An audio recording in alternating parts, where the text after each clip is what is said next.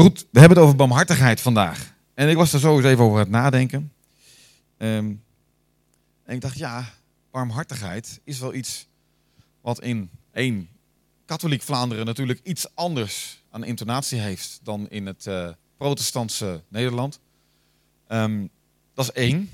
Maar voor de mensen die een beetje thuis zijn hier, als we iets die kant op gaan, hebben we natuurlijk de, de Berg van Barmhartigheid. Dat is in de 17e eeuw opgericht als liefdadigheidsinstelling. Prachtig barok gebouw. Als u het niet kent, dan maak een keer een wandeling. Dat is uh, echt wel mooi om te zien. En als je de volgende pagina doet, ik heb jullie nodig, je moet scrollen. Je, kan, ik kan niet, uh, je moet scrollen naar beneden. Uh, ik, even het pijltje aan de zijkant. En dan moet je helaas scrollen. Eén terug omhoog. Ja, zie aan de Kraanlei, voor de mensen die iedere zondag naar de soepbar of de soeplounge lopen, die komen er elke zondag langs. Maar daar staat natuurlijk het huis van de werken van barmhartigheid. En uh, de katholieke kerk heeft, uh, of laat ik het anders zeggen, de traditie van de kerk heeft de zeven werken van barmhartigheid. Um, dit huis heeft er maar zes.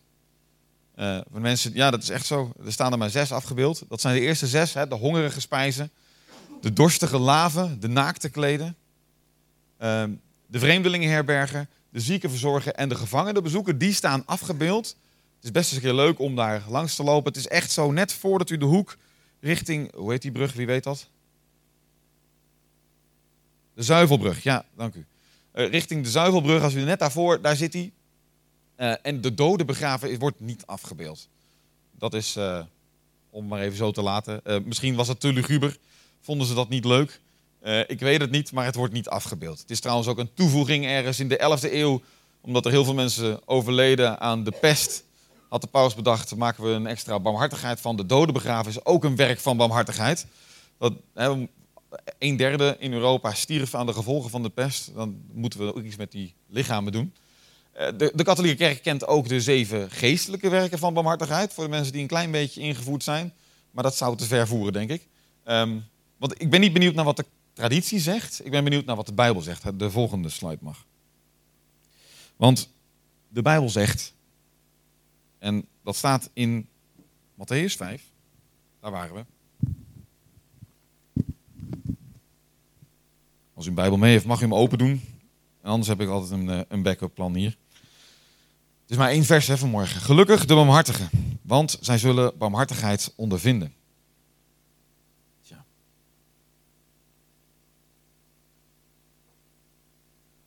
Zoals met al die andere uh, versen. Als je daarnaar kijkt en je leest er snel overheen, denk je van ja, wat moet ik daar nou mee? Gelukkig die nederig van hart zijn of arm van geest, gelukkig de treurende. Vaak lees je daar heel snel overheen. Maar vanmorgen, ik denk als ik hier uitgebreid op inga, dat ik drie preken had kunnen geven alleen met dit vers. En ik ga proberen om het in een half uur te doen. Dus, dan weet u het vast. Volgende pagina. Want ik heb eerst gezocht naar wat, wat zegt nou de wereld over barmhartigheid? Wat, wat, wat verstaan we nou over barmhartigheid? Het is als je in de wat ik al zeg, als u in de katholieke kerk bent opgegroeid, is dat een term die heel bekend voor moet komen, wat heel vaak wel genoemd wordt, is een belangrijk onderdeel. Maar wat verstaan we nou met elkaar al over en onder barmhartigheid? De encyclopedie zegt, zij die zich ontfermen over hun medemens, die in woord en daad uh, hulp en ondersteuning bieden aan degenen die daaraan behoefte hebben. Dan moet je altijd even kijken, is dat dan ook hetzelfde wat wij aan, aan met z'n allen bedenken aan, van dat is barmhartigheid. Hè? Ik bedoel, zich is dat een verklaring die voor niemand nieuw zal zijn. Van ja, dat is, dat is barmhartig zijn. Hulp geven aan iemand die dat nodig heeft. Maar wat zegt dan de Bijbel erover? De Bijbel gebruikt het Griekse woord elios. En dat betekent zoveel als medelijden hebben of medeleven, liefdevolle hulp hebben. Het gaat dan dus niet om een uiterlijke emotie van, ah, wat ben jij zielig, ik zal, hè. Daar gaat het niet om. Nee, het gaat om een volkomen identificatie met de situatie van de naaste. Dat is ten diepste de vorm van barmhartigheid waar de Bijbel het over heeft. Dat wil dus zeggen dat als je een bedelaar op straat ziet, dat je niet uit we moeten goede werken doen voor barmhartigheid, ik geef hem wat te eten.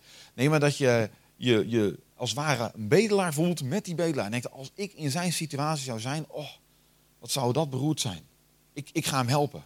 Ik ga hem wat geven. Als je een, een zieke hebt, die aan bed gekluisterd is, dat je denkt van jongens, als ik daar zou liggen, hoe kan ik die persoon helpen? Hoe kan ik zijn leed of haar leed verzachten? Als je een arm hebt, dat je denkt, hoe kan ik, hoe kan ik een deel van mijn, van mijn rijkdom of overvloed delen, zodat we samen misschien iets minder rijk zijn, maar in ieder geval niet meer arm? Dat je een weduwe of een weduwnaar hebt die, die je opzoekt en denkt van ja, die eenzaamheid. Je zo eenzaam kunt zijn en verdriet kunt hebben. Ik wil daarbij staan. Ik wil je meevoelen. Dat is ten diepste waar het om gaat. Het is dus geen emotie in het Nieuwe Testament, maar het gaat om praktische hulp. Volgens mij had ik een, ja, ik kan het niet bedienen, dus volgens mij, ja, dat was, uh, hij mag naar de volgende. Er zit natuurlijk altijd een, een idee van geven in barmhartigheid. En vanmorgen hebben we twee stukjes. Eén gaat kort op in, geven. Maar een diepere vorm van geven heet vergeven. Dus beide delen komen aan bod. Maar goed, geven, even kort. Het Oude Testament, Deuteronomium 15, vers 11, dus één cijfertje extra dan de tekst van vanmorgen, zegt, uh, zegt God dat de armen er altijd zullen zijn en dat je daarom vrijgevig moet zijn voor armen. Vrijgevig is opdracht van God om vrijgevig te zijn. Paulus die verdedigt zich in Galaten en die zegt uh, dat hij maar één opdracht had gehad om te zorgen voor de armen en dat heeft hij altijd gedaan. dus, dus zorg voor de armen is een deel van barmhartigheid. En spreuken 19, en die heb ik er even uitgelicht, dat zegt, wie barmhartig is aan een arme, leent aan de Heer. Dus met andere woorden, als jij geeft aan een arme, stel je kent iemand die heeft geen eten. Die, die kan niet rondkomen. Je geeft eten, en dan moet je geven van wat je hebt. Want wat je niet hebt kun je niet geven. Dus je geeft eten van wat je hebt aan die armen. Dan zegt God, volgens dit vers, dan leen je het aan mij uit. We hebben allemaal wel eens de uitleenervaring. Als we iets uitlenen, dat het dan niet of beschadigd terugkomt. Uh, we kennen ook allemaal het gevoel, de Bijbel zegt er trouwens, Jezus zegt daar iets heel duidelijks over hoe je daarmee om moet gaan voor een andere keer. Maar we kennen allemaal het gevoel van, aan die persoon leen ik het maar niet meer uit. Want ja, je weet nooit hoe je het terugkrijgt. Of je het wel terugkrijgt. Toch? Dat herkennen we toch? Ik wel. Ik heb wel mensen waarbij die willen wat lenen. Nou, uh, ik weet het niet. Misschien ben ik de enige die dat heeft. Maar God zal nooit iets beschadigd teruggeven. Nee, de rest van het vers zegt, hij zal hem zijn weldaad vergoeden of belonen. Dus met andere woorden, als jij aan een arme iets geeft, omdat je barmhartig bent, medelijden hebt, of dat je meeleeft, dat je zegt van hé, hey, ik, ik herken die situatie, ik wil met je meegaan in die situatie, dan zegt God, je leent aan mij uit en mijn woord is trouw, ik zal het je teruggeven. Nou, dat kun je al mee naar huis nemen eigenlijk. eigenlijk ik zal bijna hier kunnen stoppen. Zo diep en krachtig is dat vers. Dus als je iemand kent die een frigo nodig heeft, of een wasmachine, of wat dan ook, je, en, je, en, en het is er niet. Wij hebben dat in onze situatie vroeger meegemaakt. Dat de wasmachine was stuk en er kwam gewoon een bedrijf. Mijn ouders hadden de hele tijd heel weinig geld, echt geen geld om rond te komen. En de wasmachine was stuk, kunnen ze niet betalen. En er komt een bedrijf voorrijden om een wasmachine af te leveren. Iemand wist van die nood en heeft het gegeven. Ik denk dat het jaren geduurd heeft voor mijn ouders uiteindelijk wisten wie de gever was.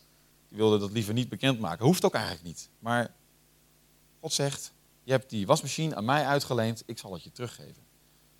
Ik vind het een heel bijzonder vers. Goed. De diepste vorm van barmhartigheid. Ja.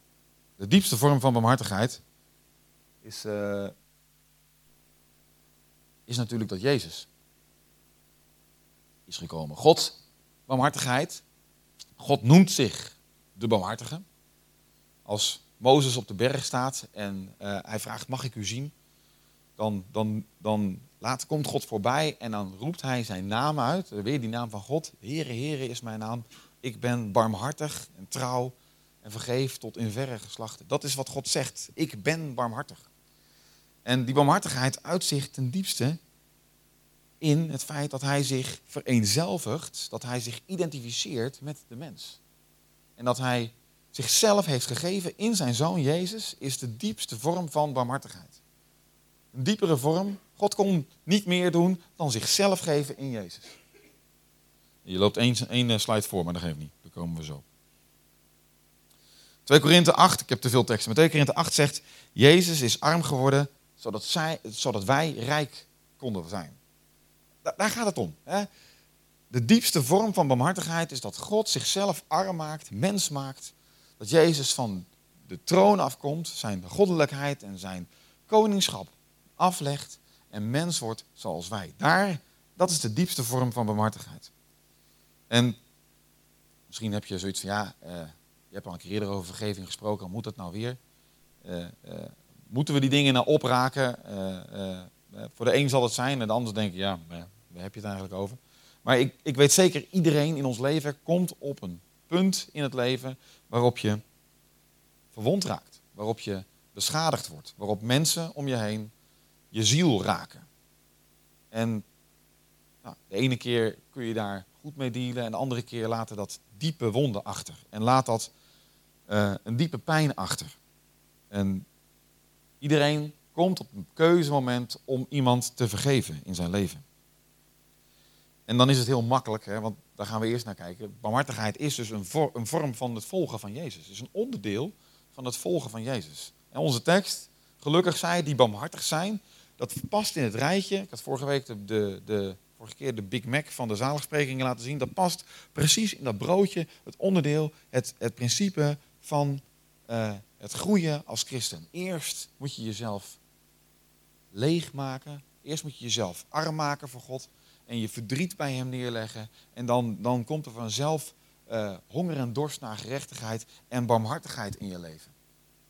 En die barmhartigheid is dus ten diepste de genade die aan jou is gegeven, doorgeven aan een ander. Een ander vergeven omdat jij ook bent vergeven.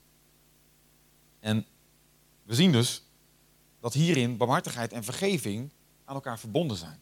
En als je deze teksten zo leest, is dat iets wat niet zo snel opvalt. Is niet zo snel, als je hier overheen leest, hè, gelukkig de zachtmoedigen, want ze zullen het land bezitten, gelukkig de hongerigen en dorstigen naar gerechtigheid, want zij zullen verzadigd worden, gelukkig de barmhartigen, want ze zullen barmhartigheid ondervinden, gelukkig wie zuiver van hart zijn, want zij zullen God zien. Als je die teksten zo leest, dan heb je niet zoiets van, hé, hey, hier komt een stuk geven en vergeving ook naar voren. En daarom is het belangrijk om eens heel diep erop in te duiken. De volgende slide, ja. Eén bladzijde verder. Als u de Bijbel open heeft, dan mag u dat opzoeken. Of twee bladzijden verder, het is maar wat voor bladzijde u in uw Bijbel heeft. Matthäus 6. Midden in die toespraak van Jezus, in die lering van Jezus, in alles wat hij leert over het leven van een gelovige, daar leert hij hoe je moet bidden. Onze Vader, die in de hemel is. Uw naam wordt geheiligd. We kennen dat allemaal, denk ik. Uw koninkrijk komen. Laat uw wil op aarde worden gedaan zoals het in de hemel wordt gedaan. En dan vergeef ons onze schulden, zoals ook wij hebben vergeven wie ons iets schuldig was. Zo. Dat is al één, hè? als je daarover nadenkt. Wacht even. Vergeef ons onze schulden, zoals ook wij onze schulden hebben vergeven. De mensen die ons iets schuldig zijn, hebben vergeven. Dus we het omdraaien, ik moet iemand vergeven, zoals God ook mij vergeven heeft. Oeh.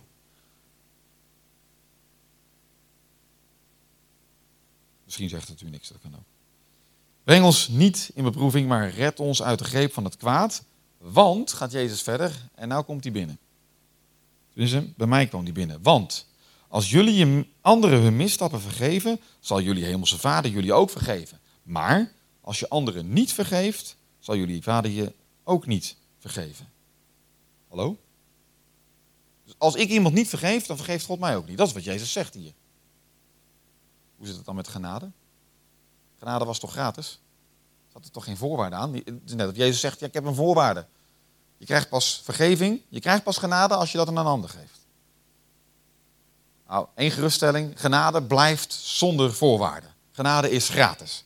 Het is, God geeft vergeving, God geeft genezing zonder voorwaarden, zonder dat hij naar een mens kijkt. Maar er is wel uh, een soort van voorwaarde en dat heet verantwoordelijkheid. De verantwoordelijkheid die wij krijgen is om de genade die wij krijgen, de vergeving die wij krijgen, om die door te geven. om die aan een ander te geven. En ik word even heel scherp. Want als jij in je leven rekent op de genade van God, als jij in je leven rekent op de vergeving van God, als je erop rekent dat God jouw schuld en jouw zonde vergeeft, maar je wilt een ander niet vergeven, dan ben je hypocriet. Die scherp, hè? Als je een ander niet wil vergeven, terwijl je wel zegt, dank u Heer, dat u mij hebt vergeven, dat ik rein mag zijn, dat ik bij u mag komen, zonder vlek, zonder rimpel, omdat u mij ziet als uw zoon Jezus. Maar je wilt de ander niet vergeven, dat botst met elkaar. Dat is wat Jezus bedoelt. Als je een ander niet vergeeft, zal je de hemelse vader je ook niet vergeven. Het gaat om de houding van hypocrisie. De volgende slide. Nou, nog één verder. Want uiteindelijk, de praktijk zegt natuurlijk ook wat. Hoe zit dat dan? Sommige mensen, er zijn weinig mensen die ten diepste. Sommige mensen zeggen dat misschien wel. Ik, ik wil niet vergeven. Ik wil dat niet. De eerdere vorm zijn: ik kan het niet. Ik kan iemand niet vergeven. Dat is, zal vaak de diepere vorm zijn. Het lukt mij niet. En ik hoop dat we vanmorgen daar een klein stukje bij kunnen helpen. Want vergeving is een proces. Ik heb al eerder verteld, in mijn leven, naar mijn ouders toe, duurde meer dan tien jaar voor ik daadwerkelijk op dat punt was dat ik vanuit het diepst van mijn hart die vergeving kon uitspreken. Tien jaar. Het is een proces waar je doorheen moet. Maar misschien is het voor u wel dat, dat de, ik weet niet of u dat herkent, ja, die, die ander. Ik ben kwaad gedaan, kwaad aangedaan. Die ander moet maar eerst komen. Hè? Hij of zij moet maar eerst mij. Erken dan tenminste dat je het fout hebt gedaan. Dan, dan wil ik wel de vergeving laten stromen. Kennen we dat? Gaan we straks op terugkijken. Hoe? Voor mensen die zeggen, ik kan niet vergeven, ik weet niet hoe, ik wil het wel, maar het kan het niet, zit het punt dat de kracht om te kunnen vergeven, de kracht om barmhartig te kunnen zijn, vloeit voort uit de gebrokenheid en overgave aan God. Uit het besef dat je bent wie je bent door goddelijke genade. En daar, daar, uiteindelijk is die hele zaligspreking daarmee begonnen. De armen van geest betekent gewoon de bedelaars van God. De mensen die uiteindelijk erkennen, Heer, ik heb niks. Mijn handen zijn leeg. Geef mij van u. Daar begint het. En als je daar bent geweest en, en, en je hebt dat doorlopen, je hebt dat kunnen zeggen, dan vloeit daaruit voort de kracht om te vergeven. De erkenning, ik kan het niet zelf, maar ik weet, God geeft mij kracht. En zoals ik al aangehaald heb, misschien, misschien heeft zoiets van, ja jongen, moet je dat nou allemaal weer ophalen? Is dat nou nodig om daar weer over te spreken? Ik kwam een stukje tegen van uh, Jensen Franklin, misschien totaal onbekend. het is een bekende Amerikaanse evangelische voorganger, die, uh, die ook wel bij uh, Trump in het Witte Huis terechtkomt trouwens, maar dat is dan weer een ander verhaal. dat is voor ons heel gek. Maar hij had iets wat ik heel mooi vond. En ik kijk Luc aan om te kijken of ik het goed heb. Um, of hij het goed had eigenlijk. Hij zegt, een wond geneest het beste in de open lucht. Dat is waar, toch? Als je een wond hebt, het beste is aan de lucht droog. Deels. De, medie... Ik... Uh... Wel, het is, het is... Uiteindelijk, als je een wond altijd onder verband laat zitten, is ook niet goed, hè? Nee, precies. Daar, dat is het deal. Dat is, dat is het idee. Ja, dat krijg je als je een dokter hebt in de zaal. Dan moet je wel controleren wat je zegt. maar ik vond het wel een heel krachtig voorbeeld. Een wond moet wel aan de lucht komen. Dus Stop nou met het wegstoppen. Stop nou met het onder het verband houden van, dat, van die wonden. Breng het aan het licht, breng het in de lucht. En een wond, als een wond heel vuil is, heeft het bloed nodig om schoon te bloeden. Dat klopt, hè? Ja, precies. Dat heel hebben we goed. Heeft het bloed nodig om schoon te bloeden. Met andere woorden, elke keer als u in de kerk komt, trek dat verband eraf, trek die bandages eraf, trek die pleisters eraf en laat het bloed van Jezus uw wond schoonbloeden. Dat is het enige medicijn. Dat is het beste medicijn om de wonden te laten genezen. We hebben net eh, in dat lied, hè, eh, de, de, kan je dat zo snel vinden van uh, Your Great Name, die, die bridge? My Healer, Defender, dat stukje, kan je dat zo snel vinden? Vraag ik nou iets heel ingewikkeld? De laatste, laatste slide is dat geloof ik, of de ene laatste slide. Hier, eentje terug. nog één. Eén terug, ja. Nee? Nog één? Ja. Redeemer, my healer, Lord Almighty. Dat, dat is wat we zingen, hè? hè? Verlosser, mijn genezer, Heer Almachtig, mijn redder, verdediger, u bent mijn koning. En, en dat zingen we dan. Dus, uh, soms is het een beetje hoog, maar uh, we zingen het met elkaar. En erkennen we dat dan ook? Oké, we willen erkennen dat de Heer onze verlosser is. We willen erkennen dat Hij, Jezus, voor ons is gestorven aan het kruis en dat Hij onze verlosser is. Dat erkennen we. Maar is Hij ook en mag Hij ook je genezer zijn? Mag Hij ook de wonden genezen in jouw leven? Als Hij de Almachtig is, kan dat. Goed, ik mag weer terug naar, de, naar die andere presentatie. Uiteindelijk, een slide verder, of twee. Ja, deze. Uiteindelijk zijn er natuurlijk drie manieren van vergeving in een leven. Er zijn er vast wel meer, maar ik heb er even drie aangestipt. En de ideale vergevingservaring die we kunnen hebben, is dat we iets in ons leven hebben waarbij eh, we pijn zijn gedaan, we zijn verwond en we praten daarover met de ander en die ander zegt, joh, je hebt helemaal gelijk, ik heb jou pijn gedaan. Had ik niet moeten doen. Sorry, mijn excuses. Eh, op dat moment, als dat gebeurt, ja, dan is het makkelijk om iemand als iemand dan ook nog vraagt, wil je het me vergeven? Nou, dan is het niet heel ingewikkeld om iemand ook te vergeven. Zeker als christen, dan kan die genade en vergeving wel vloeien. Dat is de makkelijkste manier, dat is het ideale proces. En ik vind dat dan zo heerlijk dat Jezus dan nog net weer even een stapje verder gaat. Want Jezus zegt dan in Lucas 17, dat als iemand bij je komt, al is het zeven keer per dag, met joh, ik ik heb het verkeerd gedaan, wil je me vergeven? Moet je hem zeven keer per dag vergeven. Leuk hè? Dus als iemand.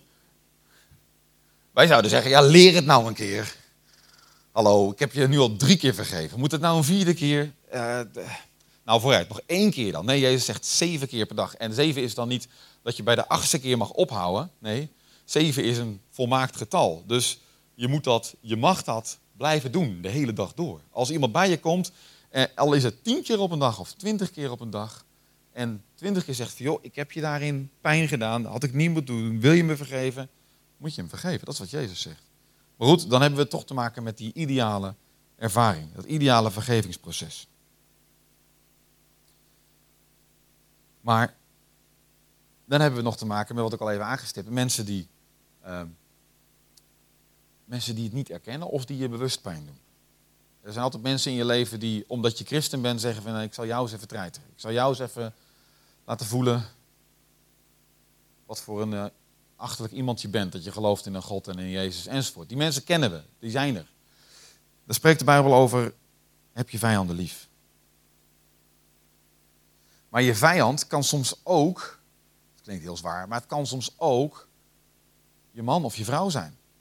Het kan soms ook uh, je dochter of zoon, of je vader of moeder, of je buurman of buurvrouw of collega zijn. Het gaat erom dat het iemand is die je pijn doet en kwaad doet en daar zelf niet van bewust is. Iemand die je verwondt en daar niet van bewust is, of dat, hè, ja, omdat jij iedere keer je sokken en je ondergoed laat liggen, dan ruim ik de woonkamer een keer niet op hoor. Dan zul het maar leren. Die, die houding, toch? Terwijl het niet gaat om uh, dat het niet gedaan wordt, maar joh, de Bijbel zegt heb je vijanden lief. Als je het dus niet weet, heb elkaar lief en vergeef elkaar dat het een keer niet gebeurd is. Slecht voorbeeld. Maar goed. Petrus zegt hier ook wat over.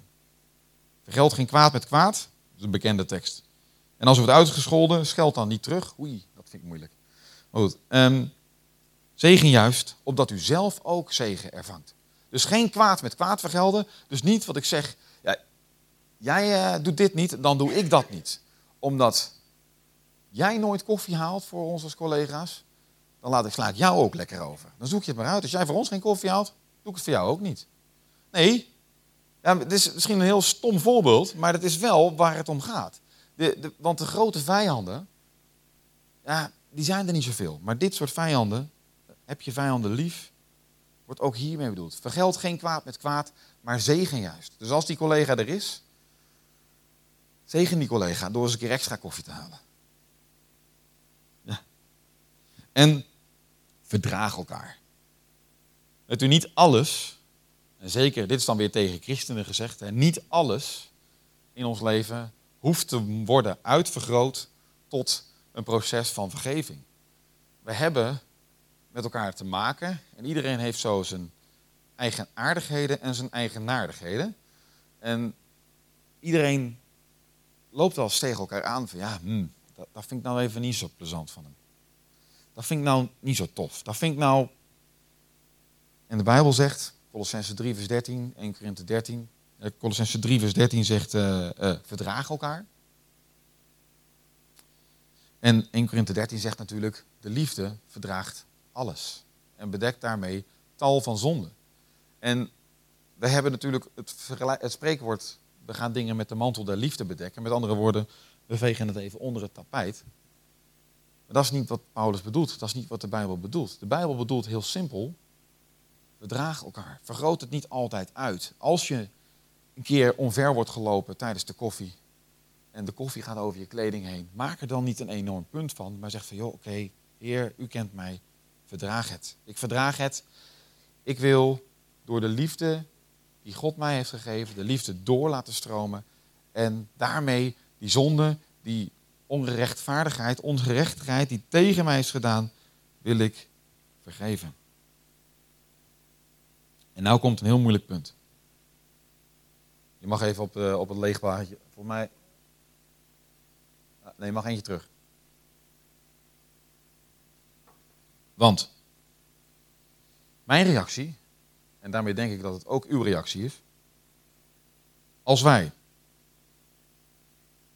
beschadigd zijn, wij zijn pijn gedaan in ons leven.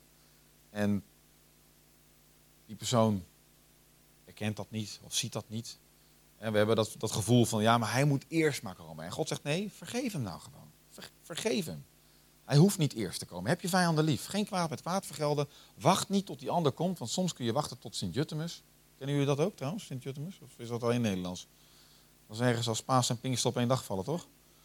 Zoiets. Maar eh, je kunt wachten tot je een ons weegt. Dat is net zo lang. Ehm, het is heel lang. Daar, daar moet je niet op wachten. Maar vergeef. En onze reactie is, ja maar dan ziet niemand dat ik verwond ben. Dan ziet niemand wat mij is aangedaan. Dan oei. Dan moet ik het helemaal alleen dragen. Moet ik het dan met niemand over hebben wat die persoon allemaal gedaan heeft? Of, maar dat doen jullie allemaal niet, de, de toch wat Vlaamse inslag, als iemand me kwaad gedaan heeft, joh, dan uh, zoekt hij maar uit, spreek ik hem jaren niet meer. Ja, dat is toch zo? Als iemand je kwaad doet, dan je, zoekt hij maar uit, dan, uh, dan neem ik geen contact meer op.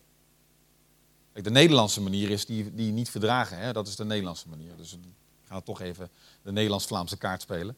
Maar de Nederlandse manier is meteen uh, tegen je aanbotsen. En wat nou? Waarom doe je dat nou? Je moet sorry zeggen. Dat is de Nederlandse manier. Maar de Vlaamse manier is toch van, ja, als dat gebeurt, ja, nou, gaat goed, ja prima. En ondertussen zeggen we niks en we denken, fix.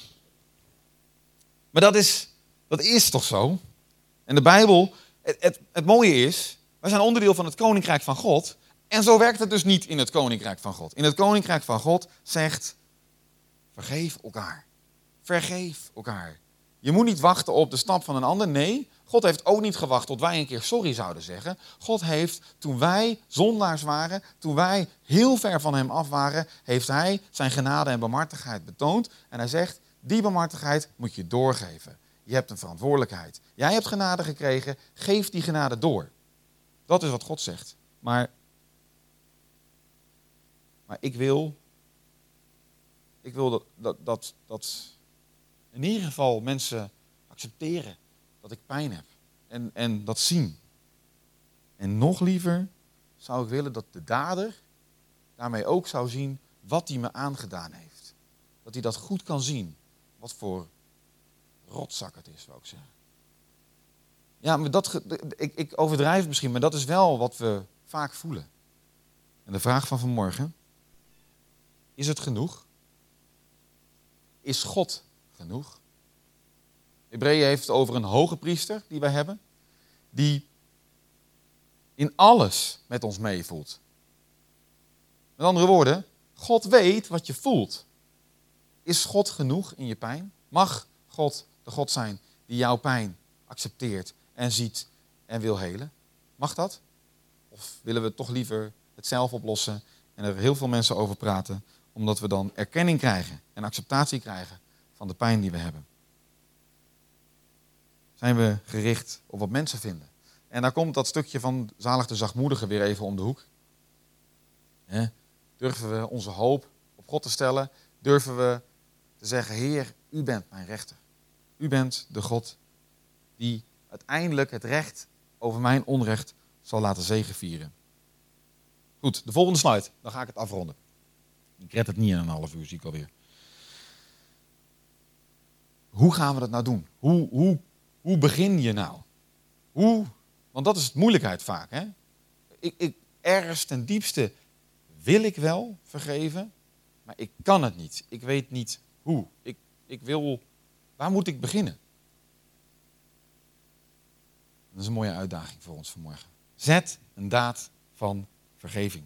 Zet een daad van barmhartigheid. Kan heel simpel zijn. De persoon die jou kwaad heeft gedaan, misschien zonder dat hij het weet, stuur hem een kaartje als die niet in de buurt is. Geef hem een cadeautje uit genade. Geef hem een som geld, omdat de Heer dat vraagt. Of omdat je hem wil zegenen, omdat je hem barmhartig wil zijn. Nodig je vijand uit aan tafel. Hm. Dat is leuk, hè? Maak een mooie maaltijd klaar met heerlijk eten. En in België weten we heel goed hoe we lekker moeten eten. Dus maak een mooie maaltijd klaar en nodig de persoon die je kwaad heeft gedaan uit om samen met jou te komen eten. En je zult zien dat de genezing veel sneller gaat dan je dacht. De vergeving kan op dat moment vloeien. Begin met geven als je wil kunnen vergeven. Begin met geven aan de ander als je wil kunnen vergeven. Volgens mij had ik niet meer slides, zowel. Nee. Ja, dat is een eh, tekst die ik nog mee wil geven, maar dat kunt u lezen. Als de kerk, wat wij zijn, een gemeenschap is van mensen die zijn vergeven, dan moeten onze relaties dus worden gemarkeerd door vergeving. Als wij een groep mensen zijn die weten, we zijn hier omdat we zijn vergeven door het bloed van Jezus, dan moeten de relaties die wij hebben datzelfde stempel hebben. Vergeving. En ja, soms zijn het makkelijke woorden. ik zeg het is een proces, maar begin met vergeven door te geven. Wees barmhartig, dan komt de barmhartigheid voor de ander vanzelf. Ik wil afsluiten met gebed. Misschien heeft u vanmorgen een moment gehad. Ik, ben, ik, ik geloof dat de Heilige Geest zo werkt namelijk. Dat u een moment heeft gehad waarin er een specifieke situatie hiermee naar boven kwam. In uw gedachten. Van ja, ik heb vergeving nodig daarvoor. Want ik heb iemand kwaad gedaan. Dat had ik niet moeten doen. Ik heb dat gedaan, maar ik had dat niet moeten doen en ik heb dat nooit tegen die persoon gezegd. Ik geloof dat de Heilige Geest zo werkt, dat hij dat naar boven brengt. Of dat die situatie naar boven brengt waar hij zegt van ja, maar hier waar u pijn voelt, van ja, die persoon heeft mij kwaad gedaan, pijn gedaan, mij verwond. En dat doet nog altijd zeer. De Heilige Geest doet dat niet voor niets. De oproep is om daar dan ook daadwerkelijk wat mee te doen. En zoals Jensen Franklin zei, haal het verband, haal die pleisters, haal die bandage eraf en laat een wond aan het lucht komen, aan het licht komen en laat het bloed van Jezus er doorstromen. Want dat is de enige manier waarop het echt zal genezen. Laten we bidden. Lieve Heer, dank u wel voor uw genade. Dank u wel dat we daarop mogen staan, op mogen vertrouwen. Dat uw genade onbeperkt is, onbegrensd is. Dat uw genade genade is die u zomaar geeft zonder voorwaarden. Heer, help ons om die genade door te geven aan mensen in onze omgeving. Om die genade door te geven in geven en vergeven. Om anderen net zo lief te hebben als u ons lief heeft. Om barmhartig te zijn zoals u, Heer, barmhartig bent. Help ons om daarmee een begin te maken vanmorgen. Dat we stap kunnen zetten naar genezing. We erkennen, u bent de geneesheer. U bent de geneesheer. U bent de God die precies weet welk aspect in ons leven die genezing nog nodig is. Ik wil zo vragen of u op dit moment, juist nu, die genezing wil uitstorten in ons midden. Of u ons wil helpen om een begin te maken. Om stappen te zetten. Om te beginnen met geven waar dat nodig is. Om te beginnen met vergeven waar dat nodig is.